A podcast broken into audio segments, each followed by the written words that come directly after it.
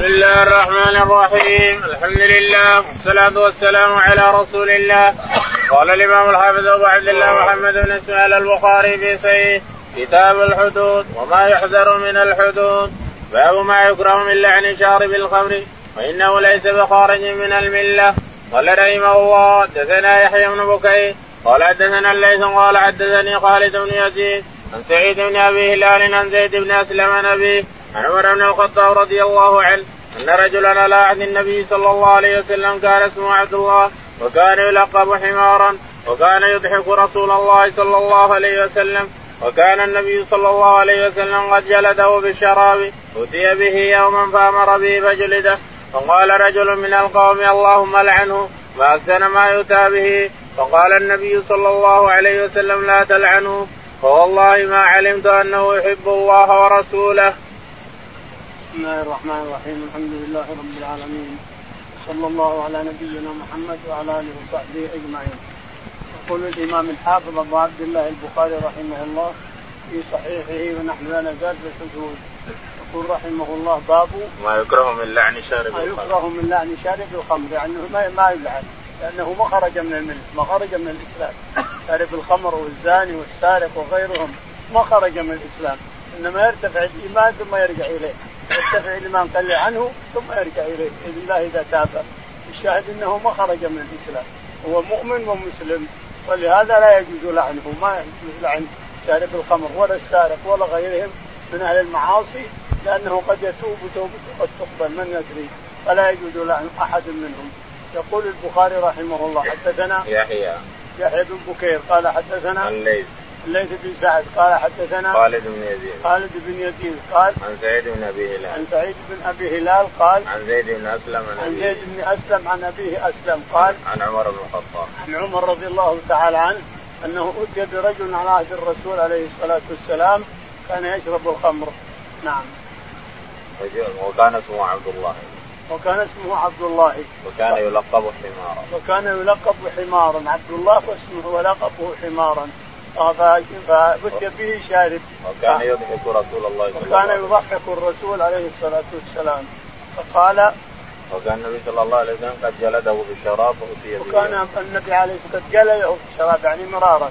فأتي به هذه المرة فقال فقال رجل من القوم اللهم لعنه فقال رجل من القوم اللهم لعنه. فقال لا تقل هكذا.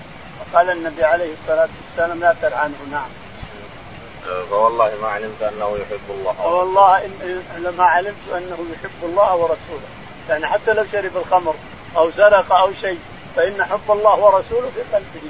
ما دام يحب الله ورسوله فهذه معاصي ابتلي بها والشيطان يتسلط على بني آدم. نعم. قال رحمه الله حدثنا علي بن عبد الله بن جعفر قال حدثنا أنس بن عياض قال حدثنا ابن الهاد عن محمد بن إبراهيم أبي سلمة عن أبي هريرة رضي الله عنه أنه قال أتي النبي صلى الله عليه وسلم بسكران فأمر به فأمره بضرب فأمر بضربه فمنا من يضربه بيده ومنا من يضربه بنعله ومنا من يضربه بثوبه فلما انصرف قال رجل ما له أخزاه الله. فقال رسول الله صلى الله عليه وسلم لا تكونوا عون الشيطان على أخيكم.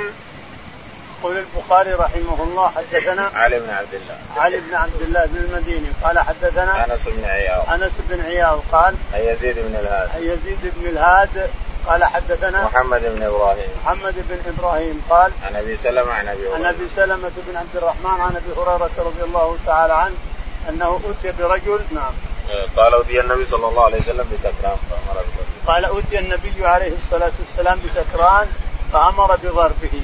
يقول فمنا من يضربه بيده ومنا برجله ومنا بثوبه ومنا بعصا ومنا لأنه قال اضربوه فاختار الناس يضربونه بما حضره اللي عنده يضربه فيه. اضربوه الناس مجتمعين كانوا يضربونه. وكان أبو هريرة يقول كنتم من يضربه. نعم. فلما انصرف قال رجل ما له اخزاه الله. فلما انتهى الناس منه وانصرف قال رجل ما له اخزاه الله.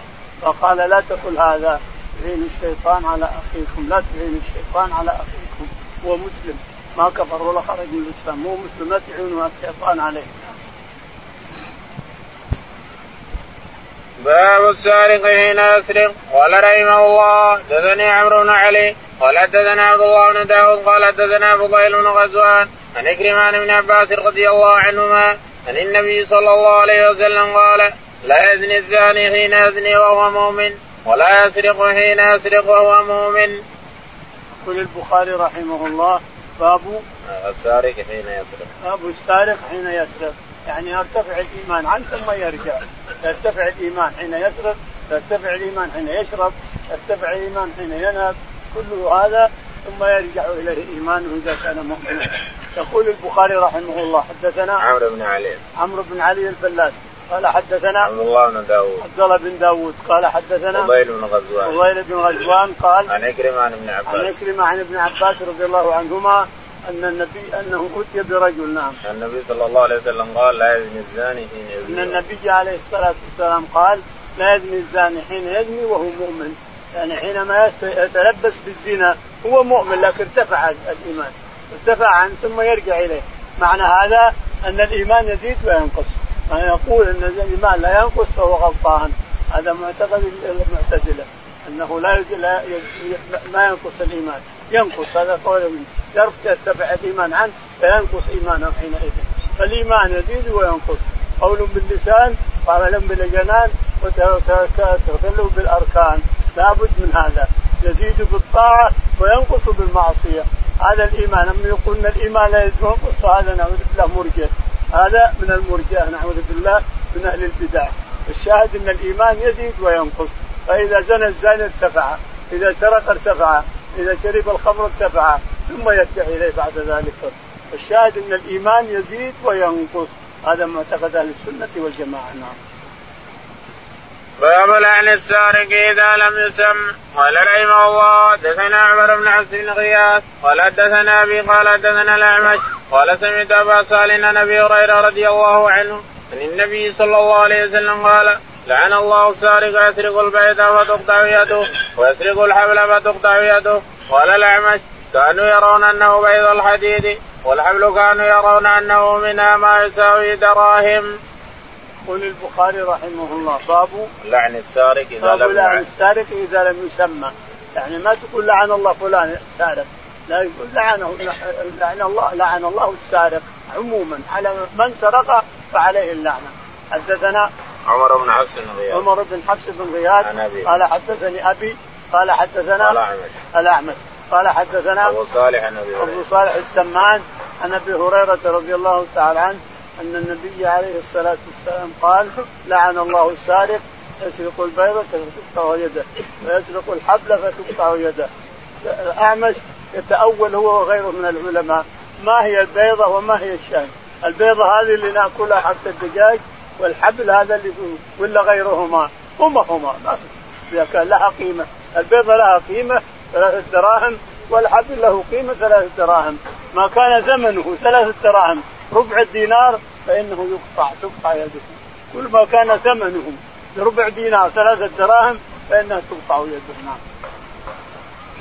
باب الحدود كفارة. قال رحمه الله دثنا محمد بن يوسف قال حدثنا ابن عيينة عن الزهري عن أبي إدريس الخولاني عن عبادة بن الصامت رضي الله عنه قال كنا عند النبي صلى الله عليه وسلم في مجلس فقال بايعوني ان لا تشركوا بالله شيئا ولا تسرقوا ولا تزنوا وقرأ في هذه الآية قل فمن وفى منكم فأجره على الله ومن أصاب من ذلك شيئا فعوقب به فهو كفارته ومن أصاب من ذلك شيئا فستره الله عليه إن شاء غفر له وإن شاء عذبه.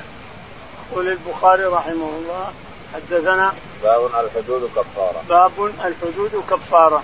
يعني من أصيب بحد في الدنيا خلاص ما عاد يصيب حد في الآخرة. حده في الدنيا أخذه خلاص. وربنا لا يظلم أحد تعالى وتقدس إذا حد الإنسان أخذ منه الحد ما عاد قطعت يده في سرقة خلاص. يولد في خمر خلاص. يولد في كذا خلاص. فالحد هو واحد. إذا أخذ منه الحد فإن الله لا يعاقبه بعد ذلك. لأنه كفارة له. قطعت يده كفارة جلد بالخمر كفارة. فعل كذا كفارة إلى آخره. يقول قال حدثنا محمد بن حدثنا محمد. قال حدثنا ابن عيينة. ابن عيينة. قال حدثنا الزهري. الزهري قال عن أبي إدريس الخولاني. عن أبي إدريس الخولاني قال عن عبادة بن الصامت. عن عبادة بن الصامت رضي الله تعالى عنه أن النبي عليه الصلاة والسلام قال بايعوني. يقول فبايعناه على الا تشركوا بالله الا تشركوا به شيئا. ولا تسرقوا. ولا تسرقوا. ولا تزنوا. ولا تزنوا. وقرأ هذه الآية. ثم قرأ آية الفرقان. اللي يقول ولا يزنون ولا يقتلوا النفس التي حرم الله إلا بالحق ولا يزنون. ومن يفعل ذلك يلقى أثاما. كل الآية آية الفرقان بكاملها. إلى فإنه يتوب إلى الله متابة. نعم. ثم قال فمن وفى منكم فأجره فمن وفى منكم بهذه البيعة فأجره على الله تعالى تقدس ومن خالف شيء بشيء منها فأمره إلى الله. إن شاء عذبه وإن شاء غفر له. إلا إن تاب. إن تاب من هذا وقبل موته فالتوبة تجوب ما قبلها. التوبة تجوب ما أو أخذ الحد منه فإنه لا لا يؤخذ مرة ثانية. نعم. باب ذر المؤمن حمام في ذر المؤمن حما إلا في حد أو حق. قال رحمه الله حدثني محمد بن عبد الله قال حدثنا عاصم بن علي قال حدثنا عاصم بن محمد واخذ بن محمد قال سمعت أبي قال عبد الله رضي الله عنه قال رسول الله صلى الله عليه وسلم في حجة الوداع ألا أي شهر تعلمونه؟ أعظم الله حرمه. قالوا ألا شهرنا هذا؟ قال ألا أي بلد تعلمونه؟ أعظم الله حرمه. قالوا ألا بلدنا هذا؟ قال ألا أي يوم تعلمونه أعظم أعظم حرمه. قالوا ألا يومنا هذا؟ قال فإن الله تبارك وتعالى قد حرم دماءكم وأموالكم وأعراضكم إلا بحقها. كحرمة يومكم هذا في بلدكم هذا في شهركم هذا. ألا هل بلغت ثلاثا؟ كل ذلك يجيبونه. ألا نعم. قال ويحكم أو ويلكم لا ترجعن بعدي كفارا يضرب بعضكم رقاب بعض. يقول البخاري رحمه الله حدثنا باب ظهر المؤمن حمى باب ظهر المؤمن حمى له. ظهرك الإنسان حمى لك. ما حد يجيك من وراء ظهرك. ظهرك حمى لك. اللي يمسك ظهرك ولا يضرب ظهرك معناه إنه خرج الحرمة. خرج حرمتك الإنسان. يقول البخاري إلا في حد أو حد. إلا في حد في حد أو غيره. قل محمد بن عبد الله. يقول حدثنا محمد بن عبد الله. قال حدثنا عاصم بن علي. عاصم بن علي. قال عن عاصم بن محمد. عن عاصم بن محمد. قال عن واقد بن محمد. عن واقد بن محمد أيضا. قال عن أبيه محمد. عن أبيه محمد. قال عن عبد الله بن عمر. عن عبد الله بن عمر بن الخطاب قال قال رسول الله صلى الله عليه وسلم في حجة الوداع على اي شهر يقول عبد الله بن عمر رضي الله عنه إن النبي عليه الصلاة والسلام قال أي شهر هذا؟ قالوا الله ورسوله أعلم. قال ليس للحجة؟ قالوا بلى يا رسول الله. قال أي بلد هذا؟ قالوا الله ورسوله أعلم. قال ليس البلد الحرام؟ قالوا بلى يا رسول الله. قال اي أي شهر؟ اي أي يوم هذا؟ قالوا الله ورسوله. قال ليس يوم الحجة. قالوا بلى يا رسول الله. قال إن دماءكم وأموالكم وأعراضكم عليكم حرام. حرمة يومكم هذا في شهركم هذا في بلدكم هذا. السؤال لأجل يتنبهون. لما يسألهم هذا يسأله. لأجل يتنبهون عن الجواب. لأن الإنسان إذا سئل تنبه حضر حضر ذهنه وحضر عقله وحضر فلما يبدي السؤال يسألهم أي بلد أي شهر أي هذا يجي كل ما عنده من عقل أو كل ما عنده من من نباهة كل ما يتكلم. عشان الجواب وش ذاك الجواب. الرسول عليه الصلاة والسلام دائما ما يقدم السؤال لأجل الناس يتنبهون للجواب. فقال لهم إن حر إن إن دماءكم. دماء ودماءكم وأموالكم وأعراضكم. عليكم حرام كحرمة يومكم هذا في بلدكم هذا في شهركم هذا. ثم قال عليه الصلاة والسلام ألا هل بلغت؟ ورفع إصبعه إلى السماء. ألا هل بلغت؟ ألا هل بلغت؟ يقول نعم يا رسول الله نعم يا رسول الله. اللهم اشهد اللهم اشهد. ثم قال ويحكم أو ويلكم لا ترجعن بعد ثم قال بعد ذلك ويلكم أو ويحكم لا ترجعوا بعدي كفارا يضرب بعضكم رقاب بعض رجعوا كفار ويضرب بعضهم بعض. لا ترجعوا بعدي كفارا يضرب بعضكم رقاب بعض وأنتم المسلمون اليوم كما أرى؟ أنتم اليوم المسلمون كما أرى. لا ترجعوا بعدي كفارا يضرب بعضكم رقاب بعض. نعم. باب إقامة الحدود والانتقام لحرمات الله. قال رحمه الله حدثنا يحيى بن بكير. قال حدثنا ليس بن قيل بن شهاب عن عائشة رضي الله عنها قالت ما خير النبي صلى الله عليه وسلم بين أمرين إلا اختار أيسرهما ما لم يأثم فان كان لذ كان بعدهما منه والله ما انتقم لنفسه في شيء يؤتى إليه قط حتى تنتهك حرمات الله فينتقم لله. يقول البخاري رحمه الله حدثنا إقامة الحدود والانتقام. إقامة الحدود والانتقام لها. حدثنا يحيى بن بكير. يحيى بن بكير قال حدثنا الليث بن سعد. الليث بن سعد. قال حدثنا عقيل بن شهاب. عقيل عن ابن شهاب عن عروة عن عن عروة عن عائشة رضي الله تعالى عنها أن النبي عليه الصلاة والسلام تقول أن النبي ما انتقم لنفسه إطلاقا حتى يتكلمون الناس فيه أو يجرون رداءه ما ينتقم لنفسه. لكن إذا انتهكت الحدود فإنه ينتهك يقوم بها ويجريها لله تعالى وتقدس. ينتقم ينتقم من الآثم الذي فعل حدا من حدود الله ينتقم لوجه الله تعالى وتقدس أما له هو فلا ينتقم. ما دام الحق له ما ينتقم عليه الصلاة والسلام ولا يزعل. لكن انتقم إذا حصل إثم حصل شيء إثم من حدود الله فإنه يقوم ويزعل وينتقم لمن فعل هذا. نعم. قال ما خير بين أمرين إلا اختار ولا خير بين أمرين. إلا اختار أيسرهما عليه الصلاة والسلام. ليش؟ لأجل الأمة تسلك الأيسر.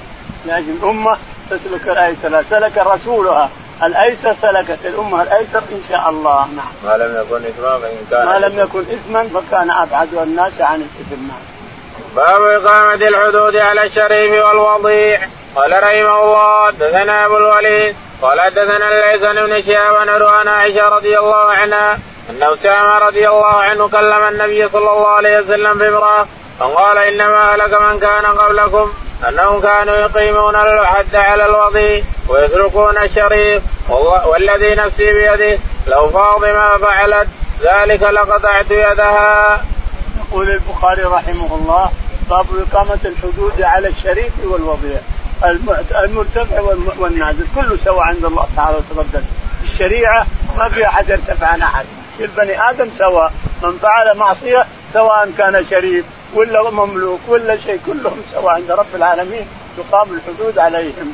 يقول البخاري رحمه الله حدثنا أبو الوليد. أبو الوليد قال حدثنا الليث. الليث بن سعد قال حدثنا ابن شهاب. ابن شهاب الزهري قال عن عروة عن عائشة. عن عروة عن عائشة رضي الله تعالى عنها أن امرأة من بني مخزوم سرقت فهم الناس كلهم همتهم هذه المخزوميه من أكابر القبيلة بني مخزوم وقبيله مشهورة والمرأة مشهورة وكيف يمكن تقطع؟ لأن الرسول مسكها بيقطع يدها. فتكلم الناس قالوا كيف تقطع؟ ما كيف تقطع؟ قالوا من يكلم الرسول. من يكلم الرسول عليه الصلاة والسلام بأن يتركها لا يقطعها؟ قالوا من يجري على تكليمه؟ إلا أسامة بن زيد. حبه وحبه حبه وابن حبه قالوا يا يا أسامة من فضلك كلم الرسول عليه الصلاة والسلام في المختوميه لأنها إذا قطعت يدها صار خزي على القبيلة كلها صار خزي على بني مخزوم كلهم. فذهب أسامة بن زيد فكلم الرسول عليه الصلاة والسلام فقال تشفع في حد من حدود الله؟ تشفع يا أسامة حد من حدود الله؟ الحد ما حد يشفع به. ثم خطب الناس فقال أيها الناس إن من كان قبلكم إذا سرق فيهم الضعيف قطعوا يده وإذا سرق الشريف فتركوه وأيم الله لو أن فاطمة بنت محمد سرقت لقطعت يدها فقطع يد المخزومية رغم عنف من زعلوا نعم. على الشريعة. الشريعة يقطع الكبير والصغير. إذا سرق يقطع الصغير والكبير. أو زنى يجلد. أو شرب الخمر يجلد. صغير ولا كبير؟ نعم. باب كراهية الشفاعة في الحد إذا رفع إلى السلطان. قال رحمه الله حدثنا سعيد بن سليمان قال حدثنا الليث بن شهاب بن عن عائشة رضي الله عنها أن قريشا أما ودهم المرأة المخزومية التي سرقت فقالوا من يكلم رسول الله صلى الله عليه وسلم؟ ومن يجترئ عليه الا اسامه احب رسول الله صلى الله عليه وسلم؟ فكلم رسول الله صلى الله عليه وسلم فقال أتشفع في حد من حدود الله ثم قام فغضب؟ قال يا أيها الناس إنما ضل من كان قبلكم أنهم كانوا إذا سرق الشريف تركوه وإذا سرق الضعيف فيهم أقاموا عليه الحد. وإيم الله لو أن فاطمة بنت محمد سرقت لقطع محمد يدها. فيها. يقول البخاري رحمه الله حدثنا كراهية الشفاعة بالحج باب كراهة الشفاعة بالحج إذا رفع إلى السلطان. إذا وصل إلى السلطان. الحد إذا وصل إلى السلطان كرهت الشفاعة في كل شيء. حتى حق آدمي. آدم يأخذ منه دراهم ولا يأخذ منه شيء ومسك السارق هذا فما دام ما وصل السلطان لو تنازل ما كان ما في شيء. لو تنازل قبل أن يصل السلطان له أن يتنازل وتنطفي المسألة وخلاص وتروح تزول المشكلة، لكن إذا وصل إلى الحكومة خلاص، إذا وصل الحكومة ما يمكن فيه تنازل ولا يمكن الشفاعه فيه. يقول البخاري رحمه الله حدثنا سعيد بن سليمان. سعيد بن سليمان. قال حدثنا الليث. الليث. قال حدثنا ابن شهاب. ابن شهاب الزهري قال عن عروة عن عائشة. عن عروة عن عائشة رضي الله عنها وعن أبيها قال أن قريشا اهمتهم أن قريشا اهمته المرأة المخزوميه التي سرقت. نعم لأنهم بني مخزوم بني مخزوم أكبر قبيلة في قريش. قالوا من يكلم من يجرى يكلم الرسول عليه الصلاة والسلام. قال لا يمكن أن يقرا عليه إلا حبه وابن حبه أسامة بن زيد. فقالوا لأسامة فذهب إلى الرسول عليه الصلاة والسلام وكلمه. قال تشفع في حد من حدود الله يا أسامة؟ تشفع في حد من حدود الله؟ الحدود ما فيها ما فيها شفاعة اذا وصلت إلى السلطان. ثم خطب عليه الصلاة والسلام فقال إن من كان قبلكم انه ظل من كان قبلكم لأنهم إذا سرق فيهم الشريف تركوه وإذا سرق الضعيف قطعوا يده. وأيم الله لو أن فاطمة بنت محمد لاقمت سرقت لاقمت عليها الحد وايم الله لو فاطمة بنته سرقت لاقمت عليها الحد نعم. باب قول الله تعالى والسارق والسارقة فاقتلوا أيديهما وفي كم يقطع فقطع علي من الكف فقال أتى بامرأة سرقت فقطعت شمالها ليس إلا ذلك. قال رحمه الله حدثنا عبد الله بن مسلمة قال حدثنا إبراهيم بن سعد عن ابن شهاب عن عمران عائشة رضي الله عنها قال النبي صلى الله عليه وسلم تقطع اليد في ربع دينار فصاعدا تابعه عبد الرحمن بن خالد وابن أخي الزهري ومعمر الزهري. يقول البخاري رحمه الله باب قول الله تعالى والسارق والسارق باب قول الله تعالى والسارق والسارقة فاقطعوا أيديهما نكالا جزاء من الله نكالا نكالا من الله. إلى آخر الآية. الشاهد أن اليد اللي تقطع هي من الكف من الرسغ هذا الكوع وهذا الكرثوع وهذا الرسغ الوسط. هذا من الكف اللي يلعب الكف هذا هو اللي يقطع الكف من من الكف اولا تحمد تحمد يعني تبنج ثم تقطع إلى النجس أو تحمد بنار لاجل بآئر ثم تقطع. لاجل لا تؤلمه وهي تقطع لأن الشريعة فيها رحمة ورأفة. نبي نقطع الحد هذا. نبي نقيم الحد. لكن كيف نقيمه؟ نبنج اليد ثم نقطعها لأنه ما يحس الله لأن العذاب ما يجوز. العذاب زايد على القطع اقطعها وبس ولا تعذبه. لا تعذب الإنسان. اقتله ولا تعذبه. إذا كان على حد قتل اقتله ولا تعذبه. لا يجوز العذاب. اقتله. قتل اقتله خلاص. ولا تعذبه. قطع سرق اقطع يده ولا تعذبه. رأيت ما هناك فنشة واقطعها ما في شيء. من الرسل من الرسل الكوع والكرسوع والرسل من الرسل. الكف اللي يلعب هو اللي يقطع بربع دينار وهي ثلاثة دراهم. أما ربع دينار ولا ثلاثة دراهم ولا قيمة المجن ولا قيمة الحبل اللي يسوى ثلاثة دراهم ولا ما يقطع بأقل منها. ما يقطع بأقل من ثلاثة دراهم نعم. وقال قتادة امرأة سرقت فقطعت شمالها ليس إلا ذلك. يقول قتادة إن امرأة سرقت فقطعت شمالها ليس إلا ذلك، لا أدري ليش الشمال، تقطع اليمين اللي سرقت، إلا كان سرقت بشمالها وقتادها وأجر ذلك عليها يمكن، وإلا فاللي سرقت اليمين سرقت تقطع اليمين، شمال سرقت تقطع الشمال إلى آخره. قال رحمه الله حدثنا عبد الله بن مسلمه قال حدثنا إسماعيل بن أبي اويس عن ابن وهب عن يونس عن ابن شهاب عن عروة بن الزبير وعمران عائشة عن النبي صلى الله عليه وسلم قال تقيد السارق في في ربع دينار. يقول البخاري رحمه الله حدثنا عبد الله بن مسلمة. عبد الله بن مسلمة. قال حدثنا عبد الله بن إسماعيل بن أبي اويس إسماعيل بن أبي اويس قال حدثنا ابن وهب. ابن وهب عبد الله قال عن يونس عن ابن شهاب. عن يونس عن ابن شهاب. عن عروة وعمر عن عروة وعمر عن عائشة رضي الله تعالى عنها نعم. قالت قال رسول الله صلى الله عليه وسلم تقطع يد السارق في ربع دين. قالت إن الرسول عليه الصلاة والسلام قال تقطع يد السارق في ربع دينار. يعني في ثلاثة دراهم. ربع الدينار ثلاثة دراهم. دينار ولا ثلاثة دراهم؟ قيمة الدينار ذلك اليوم ثلاثة دراهم. والدرهم لها قرش صغير. قرش صغير لكنه له قيمة. ما هو قيمة قرش؟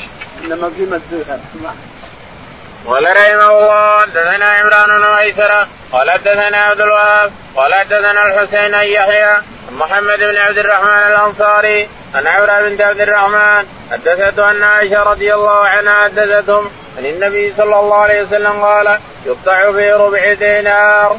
يقول البخاري حدثنا عن عمران. عمران. قال حدثنا عبد الوارث. عبد الوارث قال حدثنا الحسين الحسين قال عن يحيى بن أبي كثير. عن يحيى بن أبي كثير قال عن محمد بن عبد الرحمن. عن محمد بن عبد الرحمن قال عن عمران عن عمره عن عائشة. عن عائشة رضي الله تعالى عنها أن النبي عليه الصلاة والسلام قال تقطع يد السارق في ربع دينار يعني في ثلاث دراهم أو مجن يعني قيمة المجن أو قيمة الحبل له ثلاثة دراهم أو المجن اللي صار قيمة ثلاث دراهم تقطع في سرقة المجن أو سرقة الحبل إذا صار له قيمة إلى ثلاث دراهم نعم.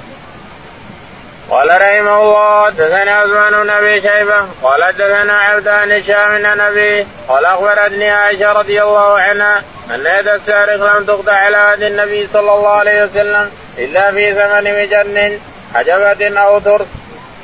يقول البخاري رحمه الله حدثنا عثمان بن أبي شيبة عثمان بن أبي شيبة قال حدثنا عبده عبده قال حدثنا هشام بن عروة. هشام بن عروة عن أبي عروة بن الزبير عن عائشة. رضي الله تعالى عنها أن يد السارق على عهد الرسول عليه الصلاة والسلام لم تقطع إلا في ثمن جحفة أو مجن، مجن هذا اللي يتدرس به الإنسان، له علوة يمشي تترس عن السيف، إذا ضربه هكذا تترس خلاص السيف يضرب كذا، يتضارب هو الراجل بالسيوف فيتترس بالمجن عن السيف، هذا ثمنه ثلاث دراهم أو أكثر، أو جحفة يعني جحفة قصعه يؤكل فيها، جحفة قد يكون لها ثمنها ثلاث دراهم. قيمتها ثلاثة أو أكثر من الثلاثة نعم. قال رحمه الله حدثنا عثمان قال حدثنا حميد بن عبد الرحمن قال حدثنا هشام بن أبي أنا عائشة مثله. يقول حدثنا عثمان قال حدثنا حميد قال حدثنا هشام بن عروة هشام بن عروة عن أبيه عن عائشة مثل الحديث الذي مضى أن الرسول لا يقطع إلا بثمن المجن أو ثمن جحفة التي يؤكل بها نعم. قال رحمه الله حدثنا محمد بن مقاتل قال أخبرنا عبد الله قال أخبرنا هشام بن عروة نبي أنا عائشة رضي الله عنها قالت لم تكن تقطع يد السارق في أدنى من حجبة أو درس كل واحد منهما ذو ثمن رواه وكيع وابن إدريس عن هشام عن أبي مرسلا. يقول البخاري رحمه الله حدثنا محمد بن مقاتل. محمد بن مقاتل المروزي قال حدثنا عبد الله بن المبارك المروزي أيضا قال حدثنا هشام عن ابي هشام عن أبيه عروة عن عائشة, عائشة رضي الله تعالى عنها في معنى الحديث في معنى الحديث الأول أن الرسول لا يقطع إلا بجحفة ثمن جحفة ثلاثة دراهم أو مجن والمجن أو ترس أو غيره إلى آخره. قال رحمه الله حدثنا يوسف بن موسى قال حدثنا أبو أسامة قال حدثنا هشام بن عروة قال أخبرنا عن أبي عن عائشة رضي الله عنها قالت لم تقطع يد سارق على يد النبي صلى الله عليه وسلم في أدنى من ثمن المجنة ترس أو أعجبه وكان كل واحد منهما ذا ثمن. يقول البخاري رحمه الله حدثنا يوسف بن موسى يوسف قال حدثنا أبو أسامة أبو أسامة قال حدثنا هشام بن عروة. هشام بن عروة عن أبي عن عائشة رضي الله عنها أن الرسول عليه الصلاة والسلام لم يكن يقطع إلا فيما له قيمة. يعني أما حبل له قيمة وإلا مجل له قيمة ولا جحفه قصعه يؤكل من لها قيمة. الله المستعان. انقلب اليوم. اليوم السرقة ما هي مجن ولا ولا جحفه ولا هيك اليوم السرقة كسر بيوت. يكسرون البيوت يدخلون عليها. سرقة ما هي سرقة مجن وما مجن. اليوم نعوذ بالله ونسأل الله أن يكفي المسلمين شرهم. يكسرون البيوت يدخلون على النساء ويسرقون البيوت. السرقه اليوم تطورت نعوذ بالله إلى هجوم إلى هجوم وحرب على المسلمين. نعم. قال رحمه الله حدثنا إسماعيل قال حدثني مالك بن أنس عن نافع مولى عبد الله بن عمر عن عبد الله بن عمر رضي الله عنهما إن رسول الله صلى الله عليه وسلم قضى في مجن ثمنه ثلاثة دراهم. يقول البخاري رحمه الله حدثنا إسماعيل. إسماعيل قال حدثنا مالك. مالك قال حدثنا نافع عن ابن عمر. نافع عن ابن عمر أن النبي عليه الصلاة والسلام قطع في ثمن مجن ثلاثة دراهم يعني قيمة ثلاث دراهم. حديث عائشة وحديث ابن عمر يتشاد بعضهما لبعض. قال رحمه الله حدثنا مسدد قال حدثنا يحيى عن عبيد الله قال حدثني نافع عن عبد الله قال قطع النبي صلى الله عليه وسلم في مجن ثمنه ثلاثة دراهم. يقول البخاري حدثنا مسدد مسدد قال حدثنا يحيى يحيى قال حدثنا عبيد الله عبيد الله قال عن نافع عن ابن نافع عن ابن عمر أن الرسول عليه الصلاة والسلام قطع في ثمن مجن قيمته ثلاثة دراهم. نعم. قال رحمه الله حدثنا موسى بن إسماعيل قال حدثنا جويري عن نافع عن ابن عمر قال قطع النبي صلى الله عليه وسلم في مجن ثمنه ثلاثة دراهم. يقول البخاري حدثنا موسى بن إسماعيل موسى بن إسماعيل قال حدثنا جويرية جويرية قال عن نافع عن ابن عمر نافع عن ابن عمر أن النبي عليه الصلاة والسلام قطع في مجن قيمته ثلاثة دراهم. قال رحمه الله حدثنا إبراهيم بن المنذر قال حدثنا ابو ضمر رحمته. يقول البخاري رحمه الله حدثنا إبراهيم بن المنذر. ابن المنذر قال حدثنا أبو ضمرة. أبو ضمرة قال عن موسى بن عقبه عن موسى بن عقبة قال عن نافع عن ابن عمر. النافع عن ابن عمر أن النبي عليه الصلاة والسلام قطع في ثمان مجن ثلاثة دراهم. في مجن قيمته ثلاثة دراهم نعم. قال رحمه الله حدثنا موسى بن إسماعيل قال حدثنا عبد الواحد قال حدثنا الأعمش قال سمعت أبا صالح قال سمعت أبا هريرة رضي الله عنه قال قال رسول الله صلى الله عليه وسلم لعن الله السارق يسرق البيت فتقطع يده ويسرق الحبل فتقطع يده.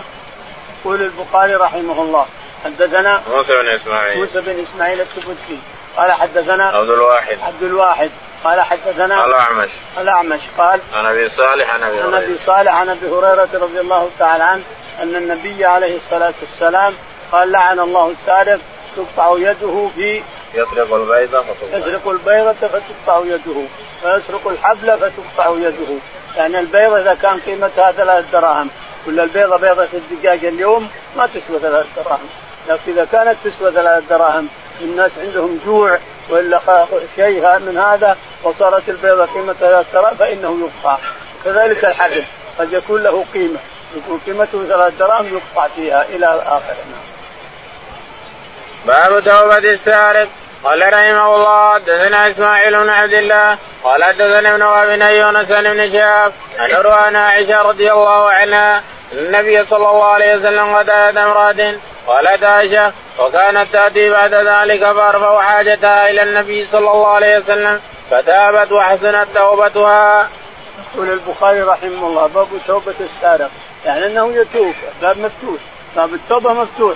ما ما يرد. إذا كان سارق يقول أنا سارق ما أتوب تب إلى الله وباب التوبة مفتوح. يتوب الله عليك. يقول البخاري رحمه الله حدثنا إسماعيل بن عبد الله. إسماعيل بن عبد الله قال حدثنا عبد الله بن وهب. عبد الله بن وهب.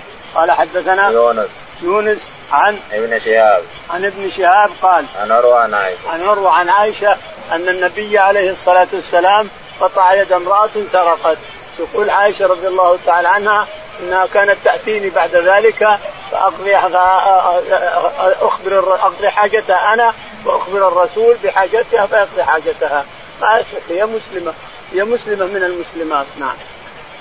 قال رحمه الله حدثنا عبد الله بن محمد الجعفي قال حدثنا هشام بن يوسف قال أخبرنا معمر الزهري عن أبي إدريس عن عبادة بن الصامت رضي الله عنه قال بايعت رسول الله صلى الله عليه وسلم في رهط فقال أبايعكم على أن لا تشركوا بالله شيئا ولا تسرقوا ولا تقتلوا أولادكم ولا تأتوا ببهتان تفترونه بين أيديكم وأرجلكم ولا تعسوني في معروف فمن وفى منكم فأجره على الله ومن أساء من ذلك شيئا فأخذ به في الدنيا فهو كفارة له وطهور.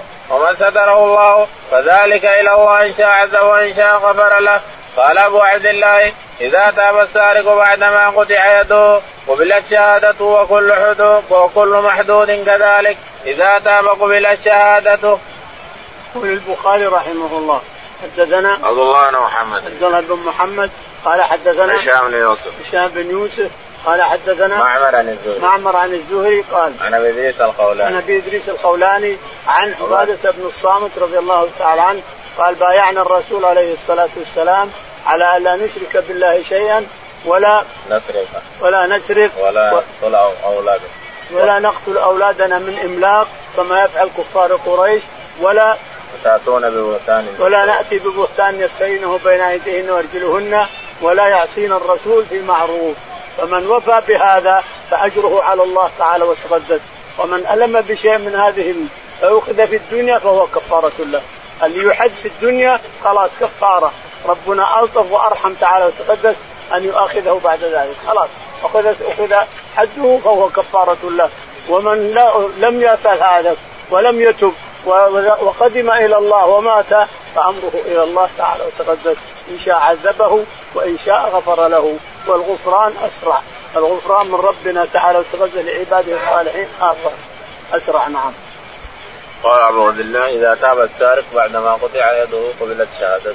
يقول أبو عبد الله البخاري ردا على أبو حنيفة، أبو حنيفة يقول إذا قطع قطعت يده فإنه لا تقبل شهادته. الشاهد ان البخاري رحمه الله يقول إذا قطعت يد السارق فانها تقبل شهادته، شهد مع إنسان تقبل شهادته لأنه مسلم ما كفر نعم. وكذلك كل محدود. وكذلك كل محدود. شرب الخمر فحد أو سرق أو زنى كل محدود تقبل شهادته إذا أخذ الحد منه. إذا أخذ الحد منه في الدنيا تقبل شهادته. ومن ستره الله فقد روى مسلم رحمه الله حديثا أن النبي عليه الصلاة والسلام قال من ستره الله في الدنيا ستره في الآخرة. من ستره الله في الدنيا ستره الله في الآخرة. كتاب المحاربين. اللهم اهدنا فيمن هديت.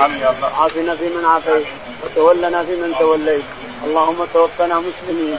وألحقنا بالصالحين رب العالمين. اللهم صل على محمد وعلى آله